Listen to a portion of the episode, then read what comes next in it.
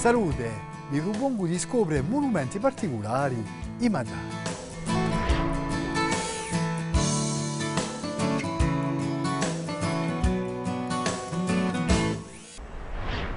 Per via di esomontagne, dove lo piove assai, a Corsica ha risorse idrauliche all'ingrosso. Se risorse sono sfruttate con matrali che ritengono l'acqua. Sì, matrali sono muraglioni che saranno un fiume da contiene una riserva d'acqua per poter produrre l'elettricità. Sul modo di energia si chiama idroelettricità. Tocca a EDF a gestisce infrastrutture. L'elettricità è prodotta da una meccanica, i cosiddetti alternatori che mutano la forza dell'acqua in energia elettrica. Da capisce in un acconciamento idroelettrico c'è tre siti differenti e gallerie per buttare l'acqua, i matrali che ritengono l'acqua e centrali che trasformano con l'alternatore l'acqua in elettricità.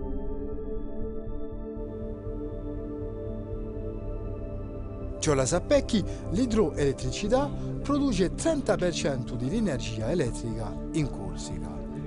Le centrali idrauliche vengono anzitutto in complimento per i giorni o stagioni dove si frazza o più elettricità.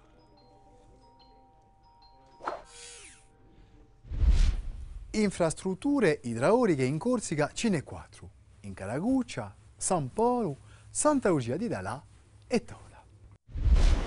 Si madrali facciano parte di un patrimonio industriale contemporaneo di Corsica. I più anziani sono quelli di Tore Nantau Brunelli e di Galaguccia Nantagolu. Se divisi sono stati costruiti in anni 60.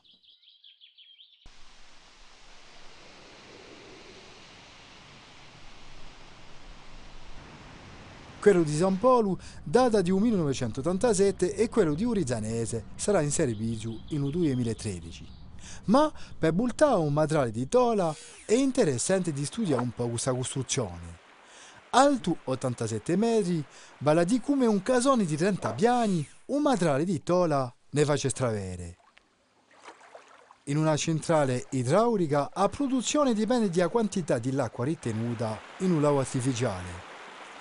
In caso che lo piova assai assai, i muri maioi di cimento sono qui per parare l'acqua. Guardate i ritratti di costruzione di un materiale in un 1959. Un'originalità di travaglio è questa struttura doppia, vale a dire che hanno costruito un materiale e poi un altro appiccicato al primo.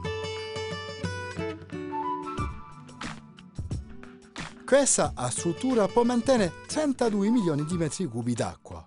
Figuratevi quanti anni di travaglio per un bastimento così. Siate attenti, in lisidi due regisi ai madrali, un pericolo e maiò e a mattina per sottore e a sera per su settore che lo si frasa più elettricità.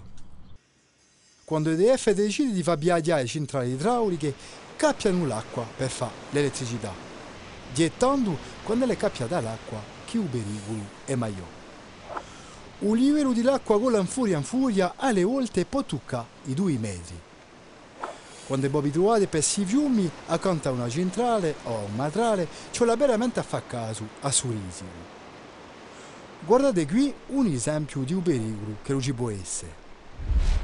In un minuto l'acqua può culare di 42 cm. In due minuti 64 cm.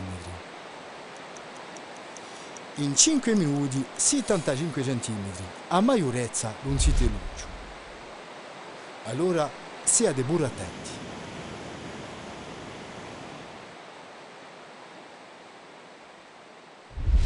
Da far crescere la produzione elettrica, EDF ha costruito un matrale nuovo. Dopo un contrasto maggiore a punto di sua costruzione, un matrale di Urizanese l'hanno principiato nel 2008. Quando lo userà in servizio su matrale sarà il più importante di Corsica, sarà in opera nel 2013. Si vedono qui i travaglioni che hanno fatto per trappanare un tunnello dove ci saranno le gallerie per buttare l'acqua da un madrale alla centrale. anche se alle volte hanno modificato l'ambiente naturale, i materiali sono monumenti particolari che facciano parte anche di un patrimonio industriale e architetturale nostrale.